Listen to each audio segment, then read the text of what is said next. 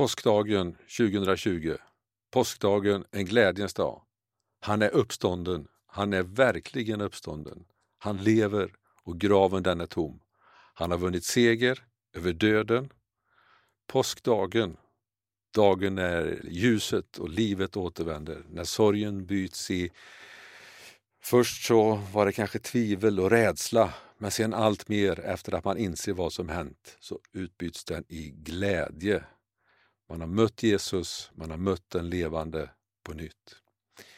Jag vill läsa från Markus kapitel 16 och de 16 första verserna här. Rubriken i min bibel är Jesus uppstår ur graven. När sabbaten var över, då köpte Maria Magdalena och Maria, Jakobs mor och Salome väldoftande oljor för att gå och smörja honom. Mycket tidigt den första veckodagen kom de till graven när solen gick upp. De sa till varandra, vem ska rulla bort stenen från gravöppningen åt oss? Men när de lyfte blicken då fick de se att stenen var bortrullad. Den var mycket stor. De gick då in i graven och såg en ung man sitta på höger sida, klädd i en lång vit dräkt, och de blev förskräckta. Men han sa till dem, var inte förskräckta. Ni söker Jesus från Nasaret, den korsfäste, men han har uppstått. Han är inte här. Se, här är platsen där de la honom.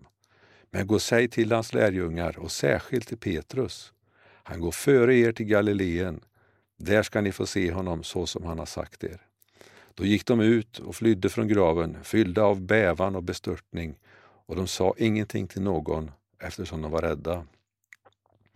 När Jesus hade uppstått på första veckodagens morgon, då visade han sig först för Maria Magdalena, som han hade befriat från sju onda andar. Hon gick och berättade det för dem som hade varit med honom och som nu sörjde och grät. Men när de fick höra att han levde och att hon hade sett honom, då trodde de inte på det. Sedan visade han sig i en annan gestalt för två av dem som var på väg ut på landet.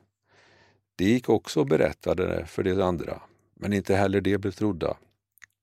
Till slut visade han sig för de elva när de låg till bords och han klandrade dem för deras otro och deras hårda hjärtan eftersom de inte hade trott på dem som hade sett honom uppstånden. Och han sa till dem, gå ut i hela världen och förkunna evangeliet för hela skapelsen. Den som tror och blir döpt ska bli frälst, men den som inte tror ska bli fördömd. Jesus har uppstått, han har lämnat graven och han har nu utfört sitt uppdrag och öppnat vägen till Fadern igen. Vägen till förlåtelse och försoning står nu öppen för var och en som tar emot. Den som tror och blir döpt ska bli frälst, säger han. Ibland säger vi att vi ser inte skogen för alla träd. Och ibland har vi nog svårt att se Jesus och hans möjligheter att styrka och hjälpa oss i våra liv. Ibland fastnar vi i någonting som känns eh, oöverkomligt, en väg som är omöjlig att gå och hur vi än vänder oss så känns det omöjligt.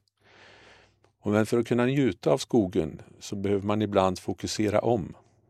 Man kanske behöver ta ett steg tillbaka och fästa blicken på nytt mot den här skogen och se det som verkligen är. Och idag, påskdagen 2020, så vill jag uppmuntra dig att på nytt fästa blicken på Jesus. Och det som slog mig det var i vers 4. Då står det så här. Men när de lyfte blicken då fick de se att stenen var bortrullad.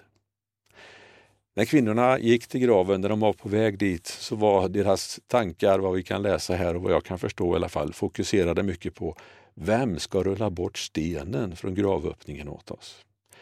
Man var fokuserad på ett problem som man var övertygad om att det skulle bara inom kort, inom en liten, liten stund möta dem och bli verkligt för dem. Något som man, man visste inte hur man skulle lösa det. Det var ett bekymmer, ett problem som man var fokuserad på. Ett problem som tog deras uppmärksamhet. Men så kommer man fram och vad gör man? Jo, man lyfter blicken och vad får man se? Stenen, bekymret som man har gått och funderat på och fokuserat på, den är borta. Det bekymmer som man sett framför sig, det fanns inte längre. Och så står det att det var en mycket stor sten. Det var alltså, tänker jag, ett stort bekymmer För dem själva så var det olösligt egentligen. Det var ingenting man hade lyckats eller skulle kunna lösa i egen kraft utan hjälp. Men det man hade varit upptagen med och bekymrat sig över, det blev och var helt plötsligt inte längre något bekymmer. Och jag vill fråga både mig själv och dig den här påskdagen. Vad är mina och dina ögon fästa på? Vad ser du framför dig när du tittar framåt på din morgondag? Ser du ett bekymmer? Ser du en sten i ditt liv? Men vi kan få blicka framåt mot morgondagen med förväntan och med tillförsikt. Tack vare Jesus. Vi kan få titta och se på det tomma korset som får påminna oss om att Jesus han har segrat en gång för alla. För visst är det väl så, det är lätt att när man går framåt att man går och tittar ner i backen. Man går ibland med sänkt blick och går och bara funderar på hur ska det bli framöver. Jag kan i alla fall känna att ibland när man har varit ute och kanske gått med någon ryggsäck som har varit lite tung, man svettas och man går där på en smal stig. Och då tycker jag i alla fall för egen del att det är lätt att blicken sänks lite grann och man bara blir fokuserad på att ett steg till bara, ett steg till. Man blir liksom fullt upptagen med att genomlida varje steg. Det är lätt att fokusera blicken neråt och släppa och inte se målet framför sig. Lyssna igen till meningen här. Men när de lyfte blicken, då fick de se att stenen var bortrullad. Alltså när jag, när jag läser det, då känner jag en så stor tacksamhet, en så stor glädje över att när vi vandrar med Jesus, då har han alltid ett, ett framtidsperspektiv, någonting framåt som han vill ge oss. När vi går med Jesus, då finns det alltid ett fokus framåt. Inte så menar jag alltså att vi ska bara rusa iväg och inte leva i den stunden och där vi står i nu. Det är ju viktigt att vi, vi lever i, i den dag och på det sätt som vi har fått också givetvis. Jag vet för egen del, jag, jag, man har en sån längtan efter att få möta Jesus. Jag har en sån längtan och jag tror med hela mitt hjärta att Jesus kommer snart för att hämta sin församling och vi får möta honom. Men ändå så ska vi leva i nuet, här och nu. Jag tror det var, tror det var Martin Luther som fick frågan någon gång här om, om han visste att Jesus skulle komma tillbaka, vad, vad han skulle göra idag om han visste att Jesus skulle komma imorgon. Då säger han, då skulle jag gå ut och plantera ett träd. Och det tror jag är rätt fokus, att vi, vi lever här och nu, men vi, vi blickar framåt, vi blicken, har fäst blicken på Jesus. Vi ska inte fastna i perioder som är jobbiga. Jag säger inte utan att det kan vara tufft att möta saker i livet, men Jesus vill vara med då också. Men att vi behöver försöka fokusera på Jesus. För han, Jesus, är inte bara med oss nu, han vill också att vi ska våga lyfta blicken framåt och se framåt genom hans ögon och få vila i hans armar. Och jag tror och känner väldigt starkt att du finns med som lyssnar till detta, som behöver höra den här hälsningen. Och vi kan se i hela Bibeln egentligen att allt ifrån det att Abraham går iväg när han får uppmaningen att gå ut ur sitt, ur sitt land där han är, när han uppmanas att gå. Och så säger Gud att där ska jag göra dig till ett stort folk. Och Jag tänker på det om Abraham bara hade varit fokuserad på vägen, på utmaningen, umbärandena och säkert de jobbigheter och utmaningar han fick möta. Frågan är om han skulle våga och orka gå då. Men när man fokuserar på att där, där ska jag göra dig till ett stort folk. Han gick i tro. Han visste att det låg någonting framför. Det fanns ett framtidsperspektiv i det Gud sa till honom. Och det är min hälsning att du och jag, vi får gå i tro, vi får lyfta blicken, vi får titta framåt, vi får följa Jesus. I Hebreerbrevet kapitel 12 och verserna 1-2 där, så står det så här. Hebreerbrevet 12. När vi nu har en så stor sky av vittnen omkring oss, låt oss då lägga bort allt som tynger och särskilt synden som snärjer oss så hårt och löpa uthålligt i det lopp vi har framför oss. Och så kommer det här. Och låt oss ha blicken fäst på Jesus, trons upphovsman och fullkomnare. För att nå den glädje som låg framför honom så uthärdade han korset utan att bry sig om skammen och sitter nu på högra sidan om Guds tron. Vi kan läsa vers 3 också här. Tänk på honom som fick utstå sådan fiendskap från syndare så att ni inte tröttnar och tappar modet. Alltså vi har så många vittnesbörd att luta oss emot. Om vi lyssnar till det och tar det till oss så kommer det också att ge oss uthållighet. Det är vad som står här. Vi har många föredömen i, i bibelordet som Gud vill ge oss, för han vet vad vi behöver. Han vet att vi behöver få hämta styrka och kraft i detta. Och jag själv, och jag kan säkert tänka mig att du också möter människor i din och i vår omgivning som vi vet vandrar och har vandrat med Jesus en lång tid, i många år. Och man har ett starkt vittnesbörd om vad Jesus gör och att det håller att vandra med honom. Att det finns hela tiden någonting i morgondagen som Jesus vill leda in i. Och sist faktiskt, men inte minst, jag tror att du själv, om du lever med Jesus, om du stannar upp ibland och reflekterar över den situation du är i, så är jag övertygad om att du kan känna i ditt hjärta att han har varit med. Han har rört vid ditt hjärta och han har aldrig lämnat dig ensam. Hans ord, känn ingen oro, tro på mig, finns i våra hjärtan om vi stannar upp och bara låter oss fångas av det och lyssna på det. I vers 2, vi fäster blicken på Jesus, vi lyfter blicken från de stenar som vi tycker ligger framför, från de stenar som ligger och jongleras runt i våra tankar många gånger. Vi ber att Jesus tar dig an de här stenarna, lyft bort stenarna och led oss framåt. Om vi går tillbaka till Markus evangeliet igen, i det 16 kapitlet där vi började, så finns det en, eh, några ord i vers 7 där också som jag tycker är så oerhört starka. Som visar på hur Guds omsorg och hur Jesus, han känner oss, han vet våra hjärtan, han vet vad vi behöver höra, han vet vilket vidrörande vi behöver. När det står så här, gå säg till hans lärjungar och särskilt till Petrus. Särskilt till Petrus. Jag tror vi kan känna igen oss i Petrus allesammans.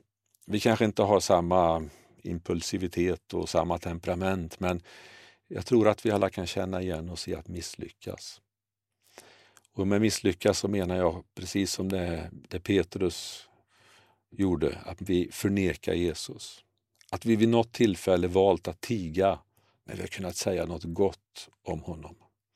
Tillfällen när man i efterhand för sitt inre har spelat upp allt man kunde sagt. Och Det är även då många gånger man inser hur fina och bra formuleringar man kunde fått fram. Men just i det ögonblicket när man mötte den här personen, just i ögonblicket när man hade möjligheten egentligen, då teg man. När man hade tillfället och så gick det förbi. Men Jesus säger, säg särskilt till Petrus. Och han vill säga särskilt till dig idag, jag är övertygad om, att nu blickar vi framåt. För i Jesu försoning och i förlåtelsen så finns det ett framåtriktat budskap. Inte fastna i det som varit. Det vi bett om förlåtelse för, det ligger bakom och istället blickar vi framåt. Och nu bekräftar ju faktiskt Jesus precis det han sa på torsdagskvällen. Säg särskilt till Petrus. Och så säger han, jag går före till Galileen. Där ska vi mötas. Precis det han hade sagt den i Getsemane-stunden, att han skulle möta dem och gå före till Galileen. För Jesus han har gått vägen före dig. Han har kallat på dig att gå med honom. Glömma det som ligger bakom, sträcka dig framåt mot ditt Galileen mot det som Gud har lagt på ditt hjärta. Och den påskhälsningen här för år 2020 till dig, det är särskilt till dig. Jesus säger särskilt till dig, jag går före dig på din väg. Ta steg framåt och du ska få se och uppleva att Jesus, han är med dig. Jesus han kan känna medlidande med dig. Allt eftersom han hade vandrat här och det han fick utstå så kan han känna med varje tanke, varje jobbig tanke, allt det tunga vi bär på, det kan Jesus känna med oss i. Jag vill gå tillbaka till Hebreerbrevet igen, kapitel 4 och vers, verserna 14 till 16. Hebreerbrevet 4, vers 14 till 16. När vi nu har en stor överste präst som stigit upp genom himlarna, Jesus, Guds son, låt oss då hålla fast vid vår bekännelse. Vi har inte en överste präst som inte kan ha medlidande med våra svagheter, utan en som varit frestad i allt, liksom vi, fast utan synd. Och låt oss därför frimodigt gå fram till nådens tron för att få barmhärtighet och finna nåd till hjälp i rätt tid. Vi har en överste präst i Jesus som kan känna medlidande med dig. Han vet dina svagheter, han är barmhärtig. Du kan få lyfta blicken idag och du kan både se och få gå in i det allra heligaste. För när Jesus dog på Golgata, då rämnade förlåten i tu. Den gick i två delar. Vägen till nådatronen öppnades för dig och mig. När kvinnorna kom till graven så var Jesus redan uppstånden. Graven var tom när stenen rullades bort. Det var inte stenen som höll Jesus inne i graven. Det viktigaste var egentligen inte att stenen rullades bort, men för deras skull, för att få se det, få det bekräftat, så försvann stenen. Och jag vill säga att det finns ingen sten som kan hindra Jesus att göra det han önskar göra i ditt liv. Det finns ingen sten som är så stor utan att Jesus kan lyfta bort den. Det viktigaste det var att tack vare Jesus Kristus så öppnades en levande väg genom förhänget. Förhänget i templet det delades och öppnades när Jesus dog. Vägen som gör att vi alla kan närma oss det allra heligaste. Vi får komma inför Guds tron i kraft av Jesu blod. Vägen är öppen för alla som vill. Om vi går tillbaka till Markus igen där vi var i kapitel 16 och den 16 versen som vi läste förut så står det så här. Den som tror och blir döpt ska bli frälst, men den som inte tror ska bli fördömd. Om du tror, om du säger ditt förlåt till Jesus och säger ja till påskens budskap om förlåtelse och försoning, då blir du frälst. Men du behöver ta emot och du behöver tro. För den som inte tror ska bli fördömd. Tron är vägen fram. Och Jag vill avsluta den här lilla stunden med att än en gång bara peka på det framåtriktade budskap som finns i en hälsning här som Jesus talar ut här ifrån Johannes kapitel 14 och de första verserna där. Låt inte era hjärtan oroas, tro på Gud och tro på mig. I min fars hus finns många rum. Och om det inte vore så, då skulle jag, skulle jag då ha sagt er att jag går bort för att bereda plats för er. Och om jag nu går bort och bereder plats för er, då ska jag komma tillbaka och hämta er till mig för att ni ska vara där jag är. Känn ingen oro. Jesus säger att han går före och bereder plats. Jesus ska komma tillbaka och hämta oss till sig, för han vill att vi ska vara där han är. Jag tycker att det är ett sånt fantastiskt framåtperspektiv, en sån fantastisk framtid vi kan få blicka in i och längta efter. Och särskilt kanske i de här tiderna när vi upplever att vi lever i, under både press och tryck och karantän och ensamhet kanske. Vi får lyfta blicken. Vi behöver inte titta på stenen utan vi får titta på Jesus och lyssna till vad han säger. Att han går före och han bereder plats. Det finns en himmel som väntar för den som tar emot honom. Den som tror och blir döpt ska bli frälst.